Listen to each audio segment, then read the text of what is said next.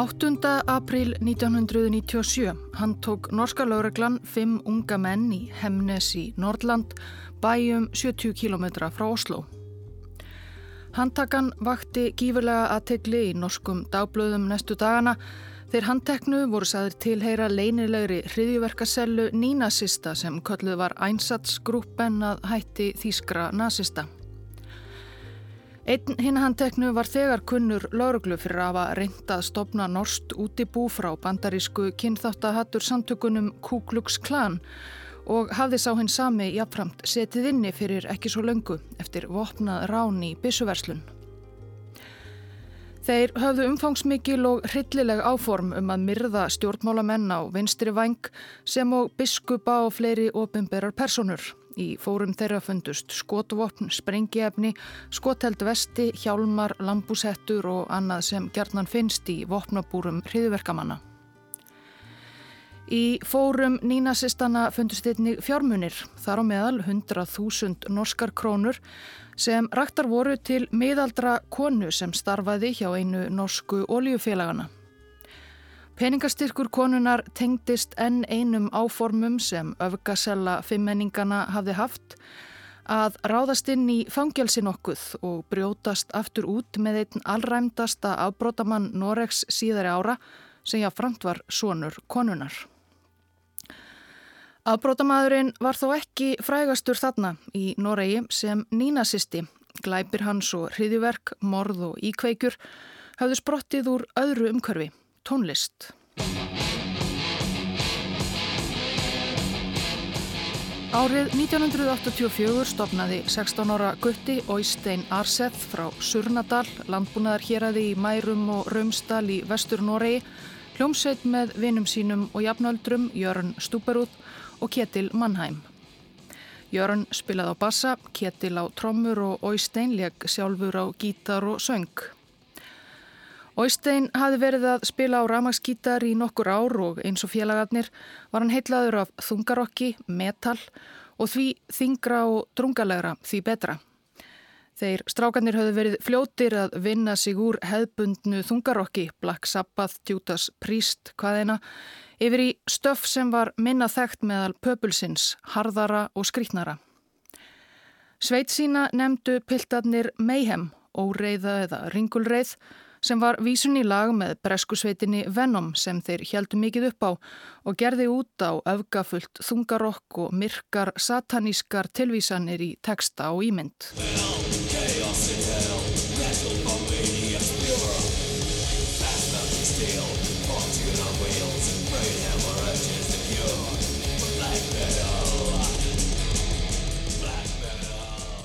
Venom hafði 1982 gefið út blötuna Black Metal og titill hennar var það titli á nýri tónlistastefnum sem þróaðist út frá öðru hörðu þungarokki eins og dauðarokki, death metal og thrash metal. Fyrst með Venom í brotifylkingar og önnur bönd eins og Svíjana í Bathory sem kölluði sig eftir allræmdu ungversku morðkvendi frá 16. öld. Þetta var síðar kallað fyrsta alda black metals eða svart málms eins og það heitir á príðilegri íslensku. Næsta aldan var norsk.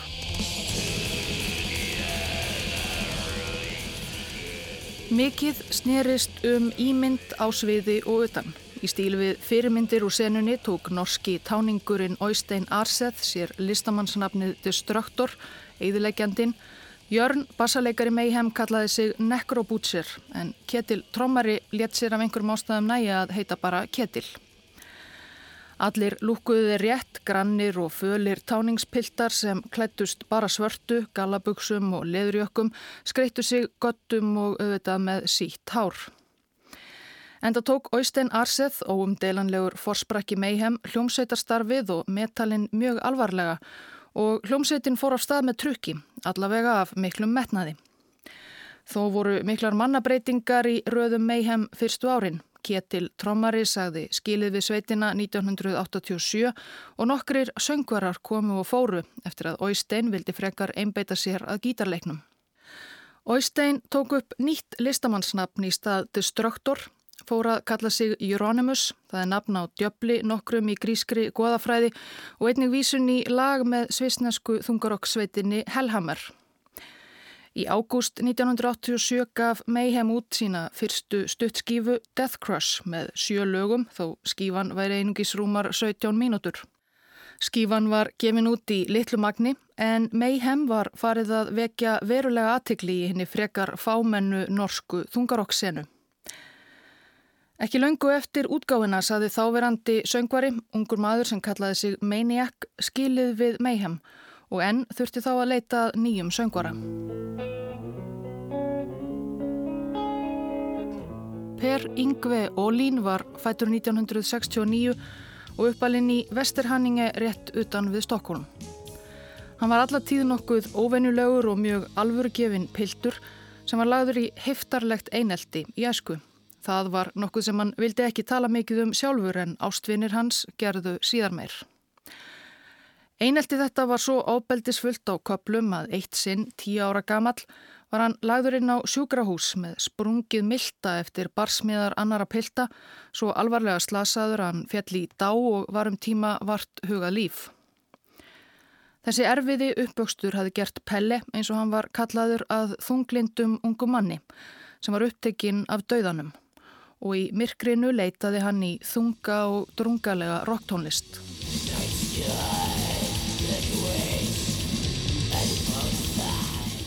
Við heyrum þarna Pelle Ólín syngja með Dauðarokksveitinni sem hann stopnaði 1986, 17 ára, Morbid.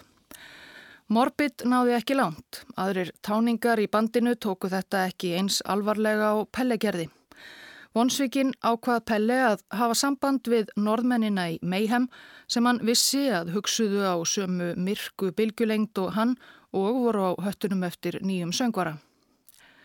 Snemma árs 1988 fengu liðsmenn Mayhem því posti umslag frá Svíþjóð með kassettu og brefi frá einhverjum sem kallaði sig Dead, döður. Það var listamannsnafn Pelles og vísun í það þegar hann lág milli heims og helju á sjúkrahúsinu tíu ára.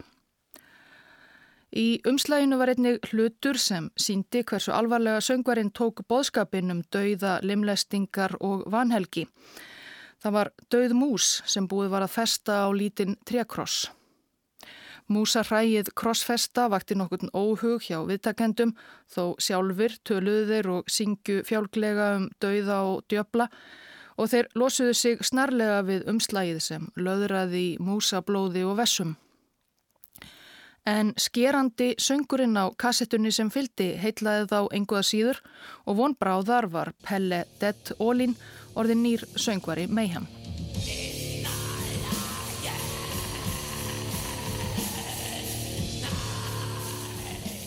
Það má merkja á fyrstu stuttskifu Mayhem að það er ekkert svo langt í húmórin. Tónlistamennir spiluðu og sungu um dauða og djöfur en voru vissulega bara norskir táningsguttar að apa eftir ídólum sínum og tóku þetta temmilega alvarlega. Laugin á skífinni Death Crush eru innblásinn af hryllings- og splattermyndum og heita fáranlegum nöfnum eins og Pure Fucking Armageddon og Chainsaw Gutsfuck. Í brefaskriftum Norska öfga metalsenan var svo lítil á þessum tíma og dreifuðum um allt þetta stóra land að tónlistarmenn og áhangendur stóðu í stöðugum brevaskriftum og sendu plötur og kassettur landshortna á milli. Frímerki voru einn stærsti útgjaldaleðurinn Í brevaskriftum var Oystein eða Euronymous gamansamur og grínaðist meðal annars með það að vegna mistaka í prentun hefði Death Crush umslagið orðið skær bleikt en ekki blóður raukt eins og það átti að vera. Og já, já. En stemmingin í þessari litlu og frekar nördalegu tónlistarsennu breyttist talsvert þegar Pelle Dead kom yfir frá Svíþjóð og tók við starfi söngvara Mayhem.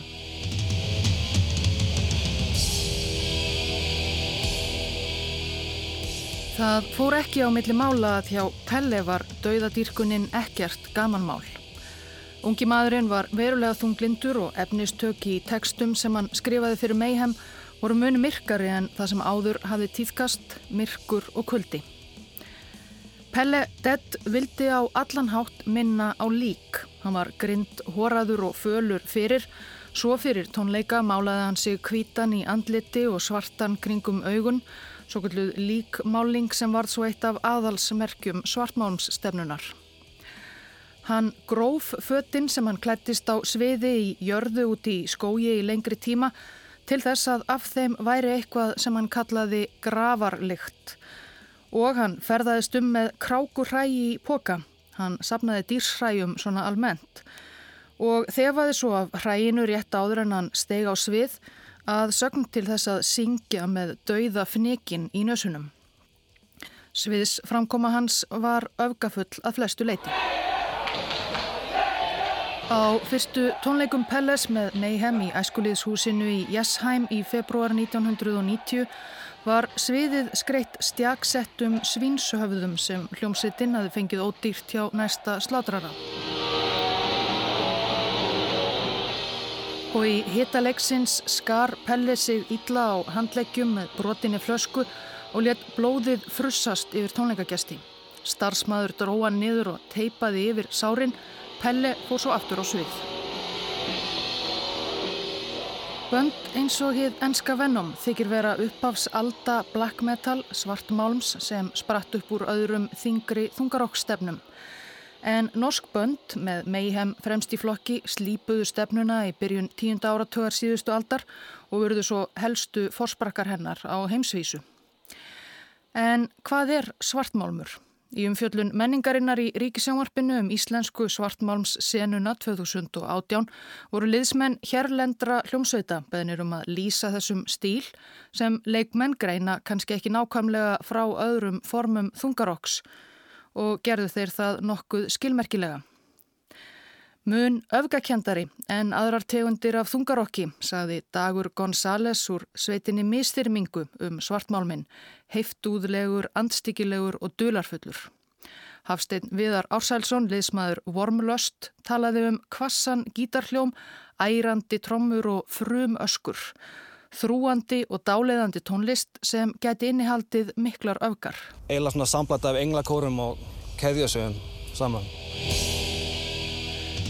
Hljómsveitin Mayhem var lengi á nokkrum rakhólum en snemma árs 1991 komu piltarnir sér loks almennilega fyrir í rauðri timburvillu í skóginum við bæinn Krokstad í austur Noregi sem þeir fengu leiða af foreldrum æskuvinnar Óisteins. Húsið varð þeirra æfingarými og einnig á stundum heimili þeirra, sérstaklega Pelles sem var ju komin allarleið frá Svíþjóð og hafði ekki í önnur hús að vernda. Norskir hljómsveitamæðlimir fóru yfirleitt heim til foreldra sinna um helgar en Pelledett fór hins vegar hverki, hjekk í húsinu öllum stundum gjarnan aðleit. Samstarfið gekk stundum brösulega og Pelle fannst hinnir ekki taka hljómsveitarstarfið nógu alvarlega. Það þyknaði yfir. Pelle satt bara í herberginu sínu og varð þunglindari og þunglindari eins og bassaleikari Mayhem Hellhammer orðaði það síðar. Mánudaginn 8. april 1991 kom Oystein Euronymous aftur til Krokstad eftir að hafa verið heima yfir helgina. Húsið var læst og hann ekki með likla svo hann tók stiga og klifraði inn um opin glukka á annari hæð. Í herbergi Pelles beigð hans ömurleg sjón. Gólfið var löðrandi í blóði og dínu uppi við veggin lág Pelle örendur. Hann hafði skorið sig í báða handleggi með veiðinnýf svo á háls og loks tekið upp haglabissu, beint henni að enninu og hleyft af. Orðsending beigð félaga hans. Fyrir gefið blóðið. Ég ætlaði að degi í skójinum svo það myndi líða nokkri dagar þar til ég fyndist. Ég á heim í skójinum og hef alltaf átt. Engin skilur þetta hvort þið er. Til að reyna að gefa einhverja skýringu er ég ekki manneskja. Þetta er allt draumur og bráðum vakna ég. Það fyrsta sem Óistein gerði var að aka út í næstu verslun, kaupa einnótamyndavel og smetla svo af nokkrum myndum af líkinu. Síðan gerði hann lauruglu viðvart. Þegar hann létt hýna hljómsveitar meðlimina vita, sagði hann að Pelle hefði nú gert eitthvað virkilega kúl. Skotið sig í höfuðið. Sagði Óistein þeim svo að hann hefði tekið myndir áður en hann ringdi í lögguna. Þrátt fyrir að tónlistin gengi út á dauða og djöfulgang blöskraði Jörn Nekrobútser bassaleikara þetta virðingarleysi Óisteins við dauða náins vinar og samstarfsfélaga og ekki leið á löngu þar til hann fann sig knúin til að hætta í meihem. Yfirvöld fjarlæðu líkið en þegar Óistein þreif Herbergi Pelles eftir á fann hann nokkra búta úr sundur skotinni höfuðkúpu svíjans á víð og dreif. Hann þreif bútana og bjóð til hálsmenn sem hann sendi síðan svartmálms vinum um víða veröld.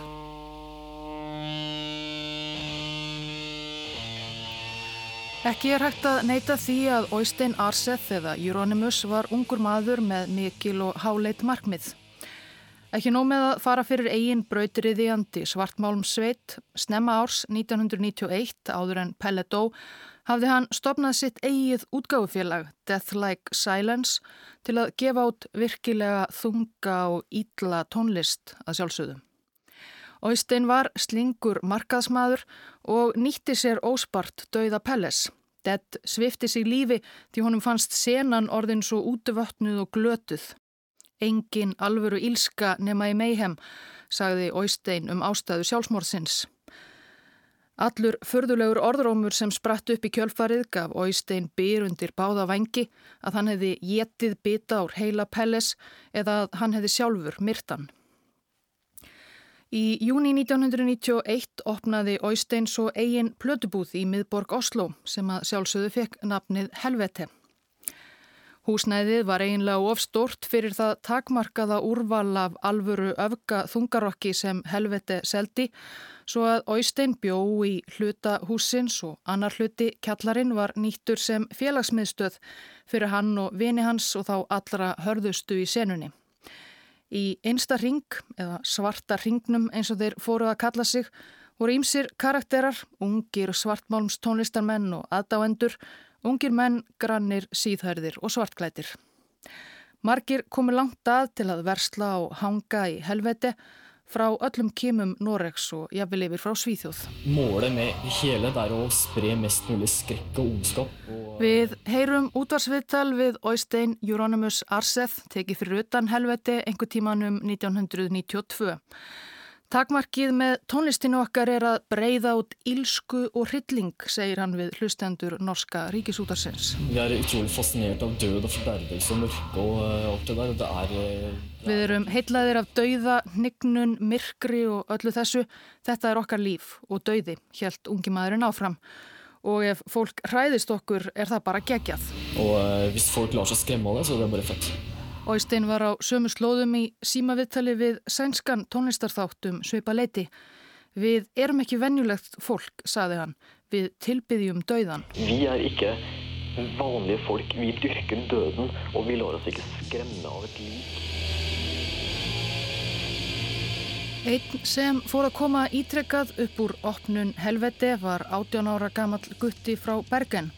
Hann óg reglulega mörg hundru kílometrana frá vesturströndinni til höfuborgarinnar og fór að vekja aðtikli í plötubúðinni.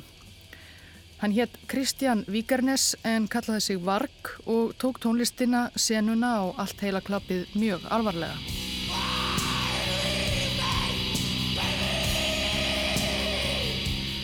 Um æsku Kristjáns eða Vargs Víkarnes eru margar mýtur. Hann fættist 1973 inn í velstæða millistjættarfjölskyldu, fadurinn verkfræðingur og móðurinn starfsmæður oljufélags. Nokkur ára af æsku varg spjó fjölskyldan í Bagdad í Írak þar sem fadurinn starfaði og það var vist þar, sagði varg löngu síðar, sem hann varð meðvitaður um kynþætti og kynþáttamismunun. Kennararnir í skólanum hans í Bagdad börðu alla nefendur nema hann, hvita piltinn í beknum. Ályktunin sem varg dró af þessu var vist svo að hann, kvítur, hleytið því að vera æðri en dökku arabatnir í beknum. Æ síðan var hann samfærður um að kvítir menn væru öðrum æðri. Líkt og aðrar personur sögunar fór varg ungur að hlusta á þungarokk og eftir því sem leið á táningsárin varð rokkið þingra og myrkara. Það vissi enginn hver hann var. Hann var að tala um bandi sitt, búrsum og allt í einu var hann búin að taka upp plötu, fyrstu búrsum plötuna og Euronymous var rosalega spentur fyrir því.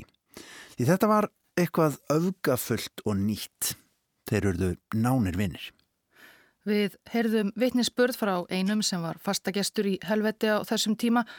Varg var fimm árum yngri en stopnandin Oystein Euronymous en sá síðar nefndi tók ungamannin á vissanhátt undir verndarvængsinn.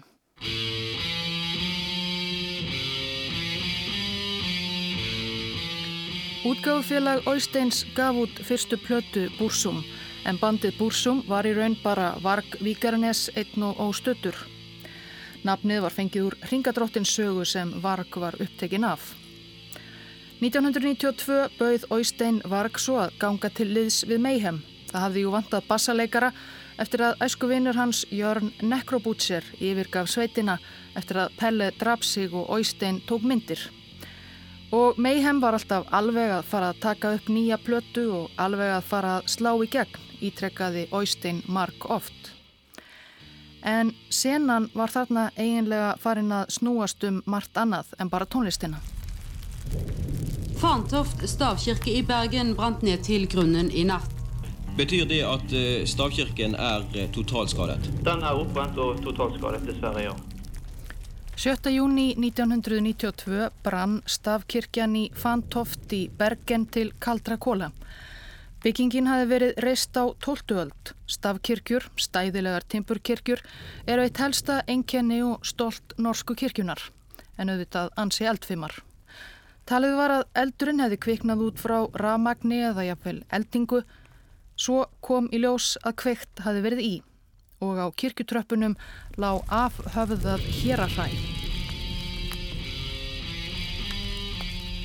Í september 92 gaf einmenningsband Vargs Víkarnes Búrsum út nýja smáskífu.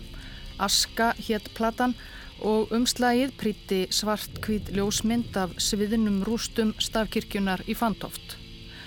Með fyrstu þúsund eintökum plötunar fylgdi líka kveikjari límtur utan á umslægið.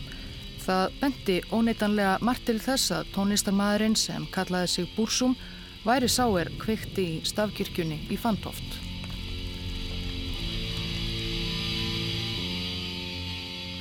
Tuttúast 3. ágúst 92 brann Holmenkólen kapellan í Oslo glæsileg timpurkirkja í stafkirkju stíl frá því byrjun 20. aldar. 13. september kirkjubygging frá 1887 í skjóld í Rógalandi Elding heldum en fyrst áður en ljóst var að kveikt hefði verið í. Á aðfangadag 92 Åsane kirkja í Bergen. Klokken 3.05 i natt. Åsane kirke i Bergen er i full brann. Flammene står ut av vinduer og tak. Trekirken fra 1795 er ikke til å redde. Kirkjubrunatnir vöktu óhug. Mörg sapnaðarbörn tengdust byggingunum meðvitað sterkum böndum höfðu verið skýrðar, fermþar og gift. Det var helt forferdelig. Her er jeg døpt og konfirmert og gift, og ungene mine er konfirmert her og døpt. Vi skulle tenne lys her i dag, og det var helt grusomt å se kirken på den måten. 18 timer senere. Metodistkirken i Sarpsborg brenner til grunnen. Ekki löngu síðar, á jóladag, brann metodistakirkjan í Sarpsborg í austur Noregi. Slökkulismenn mættu fljótt á staðin en tókst ekki að ráða niðurlögum eldsins og einn slökkulismadur lést í baráttunni. Þó það væri ekki ljóst þarna voru brennuvargarnir að öllum líkindum Varg Víkernes á samt fleiri vinum hans úr svarta ringnum, einsta kjarna svartmálms senunar sem hittist í kjallara plötubúðarinnar helveti. Þeir hötuðust mikið við norsku kirkjuna og kristindómin almennt og nú var þetta ekki lengur spurningum að kjafta bara um dauða og djöful heldur standa við stóru orðin.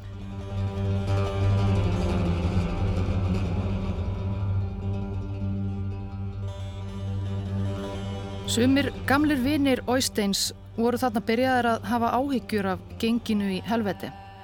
Þangað sapnaðist undarlegur hópur, ekki bara fólk sem af einlægni nöyð tónlistarstefnunar svartmálms, heldur ímiskonar förðufuglar eins og fyrirverandi meihemsöngvarinn Eirík Messias Norheim orðaði það í nýlegu viðtali við Sænska ríkisútarpið. Fólk sem hreifst meira af hugmyndinni um ílsku og djöfulgang en tónlistinni gríðarlega óheilbrygt umhverfi, saði Norheim. Og milli áhangandenna fór að myndast eins konar keppni um að vera mest ekta, lifa sig dýbra og dýbra inn í boðskapin, komast lengra inn í ílskuna. Varg Víkernes brendi niður 800 ára gamlar kirkjur og stærði sig af því. Hvernig var hægt að toppa það? Politiet på Lillehammer etterforsker nå det de mener kan være et drap. Sama dag og Holmenkollen kapellan, ekki langt frá hennum sögufræga skíðastokkpalli Brann 23. ágúst 1992 voru þrjár unglingstúlkur á morgunskokki í Ólimpíugarðinum norður í Lillehammer þegar þær rákust á ítla útleikið lík í skóarjóðri. Líkið var Magne Andreasen, 34 ára gamal samkynneður kartmaður. Hann hafi verið stungin 37 sinnum í brjóst, bak og höfuð af mikilli heift. Engin hafi síðan nokkuð og rannsókn lauruglu ræk fljótt í stans. Morðið var ekki upplýst fyrir um ári síðar, en morðingin var einn úr einsta ringnum í helveti, Bord Æþún, 18 ára gammal trommuleikari sem vann í plötubúðinni og kallaði sig Fást í senunni. Þeir félagarnir töluði jú oft um dauðan og hvernig það væri að drepa mann, reka nýf í hold. Og eitt kvöldi þegar Bord eða Fást var heima hjá fóreldrum sínum í Lillehammer og leið heim af kráni, þá bara leta hann til skara skrýða. Fást hefur reyndar ættið verið tvísaga um atbyrði kvöldsins, stundum sagt að hann hafi fylst bræði þegar Andreasen Hommin fór eitthvað að reyna við hann, en líka bara með hans orðum Ég var úti og bara beigð eftir því að losna við spennu. Það er erfitt að segja hvers vegna þetta gerðist. Þetta átti að gerast. Hvort eða hann var þessi maður eða einhver annar. Það skiptir ekki miklu máli. Fást var ekkert að leina því sem hann gerði. Hann ringdi strax í vini sína í Oslo, Óistein og Varg eftir mordið og saði þeim frá. Síðan rendi hann til höfuborgarinnar og saman fóru þeir þrýr af stað með bensínbrúsa og kveiktu í kapellunni á Holmenkollen eins og til að fagna, dauði og eldur. Holmenkollen kapell er en saga blott. Det staselige kapellet var allerede overtent da brannvesenet kom på stedet like etter klokken fem i morges, og det sto ikke til. Kirkjubrunatnir voru áberandi í norskum frétta annálum ársins 1992 en það bættust tvær brendar kirkjur við yfir jólaháttíðarnar. Marga var farða gruna að einhvers konar satanistar væru að verki. Áhyggjur af djöbla dýrkun voru nokkuð almennar í hennum vestræna heimi um þetta leiti. Sjaldgæft að slíkar áhyggjur væru á nokkurum rökum reistar en þarna má segja að vissulega hafi verið innistæða fyrir áhyggjunum. Við kveiktum í kirkjunni. Fyrirsögn þessi æfti á lesendur á forsýðu Bergens tíðinni 20. janúar 1993. Undir fyrirsögninni mynd af dularfullri fíguru, manni með sítt dögt hárið nær alveg fyrir augunum og tvo nýfa í höndum. Við erum alvöru djöbladýrkendur, segir sá tvíti við Bergens tíðinni. Markmið hans og hópsins er að sá eins miklum óta og sorg í samfélaginu og mögulegt er. Þess vegna brenna. Blaðamæður Bergens tíðinni, Finnbjörn Tönder, lísti þessu síðar meir. Naflausir aðilar höfðu samband við blaðið og vildu tjá sig um kirkju í kveikjurnar. Hann og ljósmyndari voru svo leittir inn í dimma blokkaríbúð þar sem beð þeirra ungur svartklættur og síðhærður maður sem vildi bara kalla sig grísnakk greifa, grísanakka greifa.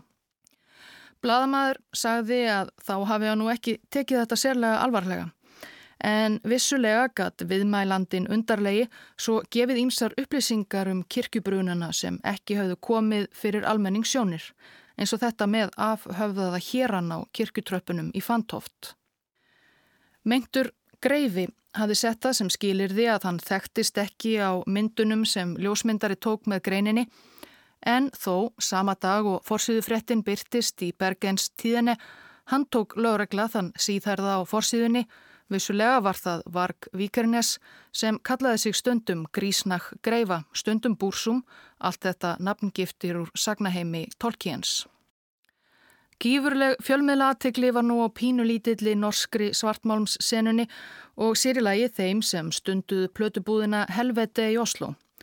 Lóregla fyldist líka með búðinni og Óistein ákvað loks að loka bara en það hafði helveti aldrei skilað nokkrum arði. Legan var of há og salan á esoterísku öfgaþungarokki kannski ekki alltaf blúsandi góð. Varg Víkarnes var látin laus eftir sex vikna gæsluvarðhald. Þegar hann mætti fjölmiðlum fyrir utan lauruglustöðuna í Bergen játaði hann fúslega að þetta hefði hann gert til að kynna vantanlega nýja plötu bandsinsans Búrsum. Þetta var allt bara gott PR eins og hann sagði. Så angrer du ingenting? Angrer? Hva skulle angre? Det jeg må jo absolutt si at det har vært en ganske bra reklame. Jeg vil si at bedre PR med mindre utgifter kan man neppe få. Og hann sá sko ekki eftir neinu. Þetta markaðstönd hafði mögulega vakið aðtekli norskrar alþýðu á Varg Vikernes og Búrsum en einnig orði til þess að Óistein Arseth neittist til að loka helveti og hans mikla svartmálms veldi var að hrinja. Það var þarna farið að anda köldu millir þessara já, fyrverandi vina og vopnabræðra. Óistein vildi á endanum losna alfarið við þinn uppiföðslu sama varg, losna við hann úr meihem og hann útbjó einnig samning um að losa bandið Búsum endanlega frá útgáfi félagi hans Death Like Silence.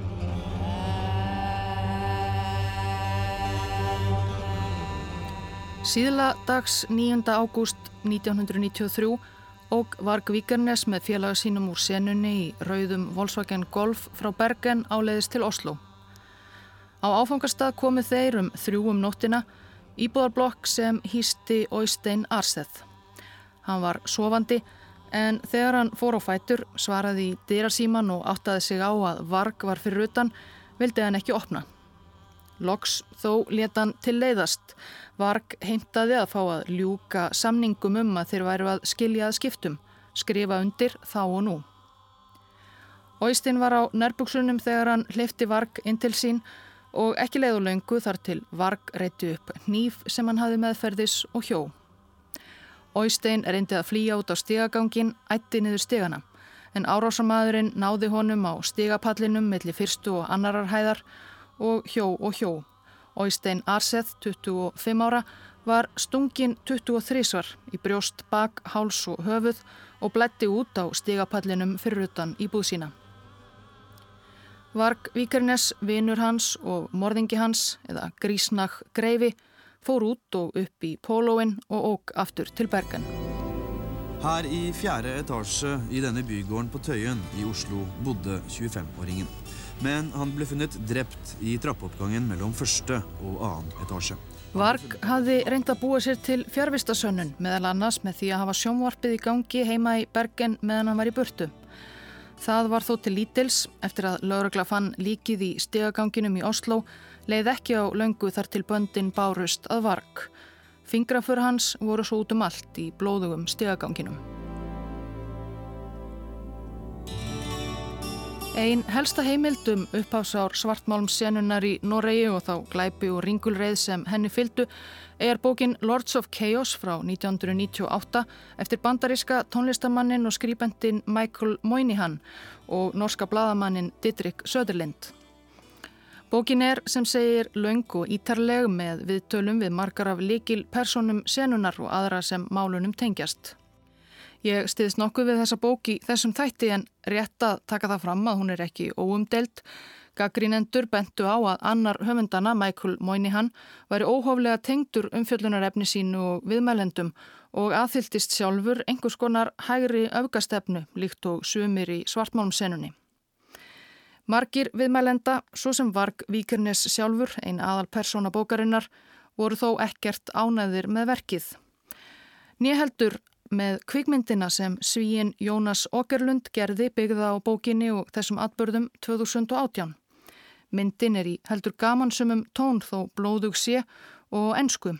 Emory Cohen fer með hlutverk Vargs og Rory Kolkin leikur Ástein.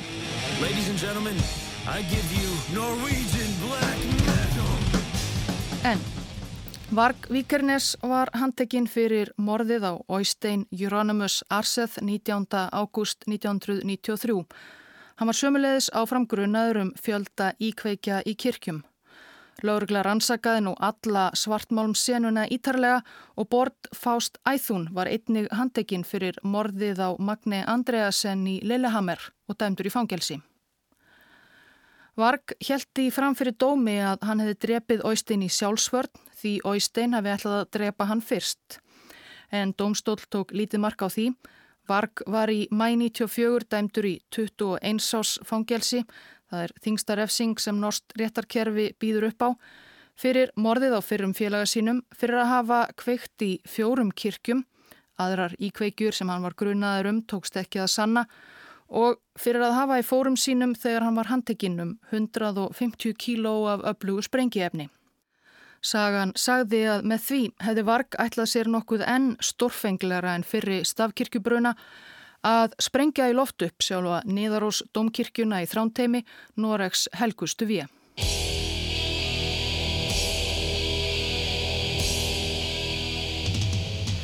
Fyrsta breyðskífan sem Mayhem hafði unnið að lengi lengi eða frá 1987 kom loks út í mæ 94 De Mysteris Dom Satanas.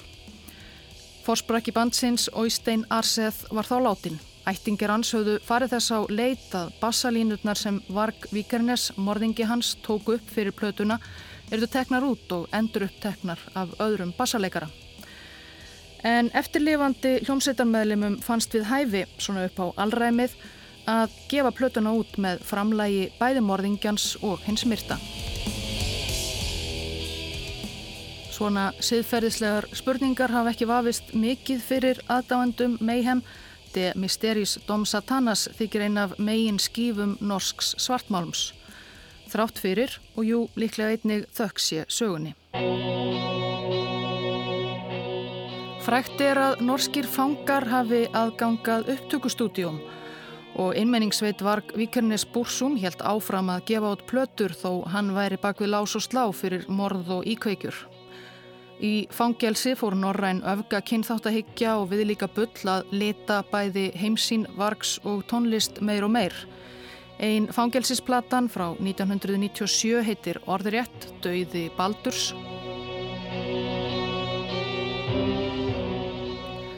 Og öll lögin, svona sinnþa eitthvað, bera forn Norræn nöfn. Þetta er Bálferð Baldurs sem við heyrum hér. Á síðari árum hefur Varg talað fjálglega um að hefur raunverulega markmið kirkjubrunana í den hafi verið að endurheimta heiðið Norst land sem Kristinn Innrásarkirkja hefði lagt undir sig. En hversu mjög hann hugsaði á þessum nótum sem ungur brennuvargur er óvist. Ljóst er þó að með rasísku og heiðinu orðagjálfri skapaði Varg sér orðspor meðal norrætna rasista og nínasista og var það til þess að fimm skoðanabræður reyndu að brjóta hann lausan úr fangelsi 1997 eins og sagt var frá í byrjun þessa þáttar með fjárhagsaðstóð móður hans. Mamma Víkernes hefur aldrei efast um sónin. Sú flótatilraun mistókst en sex árum síðar þegar Varg var komin í annað fangelsi tókst honum sjálfum að flýja þegar hann fekk að fara út í dagsleifi. Hann var sér einhvern veginn úti um skotvopn, rændi bíl með heitli fjölskyldu innan borðs með því að hóta þeim en var handtekinn 19 klukkustundum síðar. Hann notaði tíman í frelsinu meðal annars til að skrifa móður sinni bref.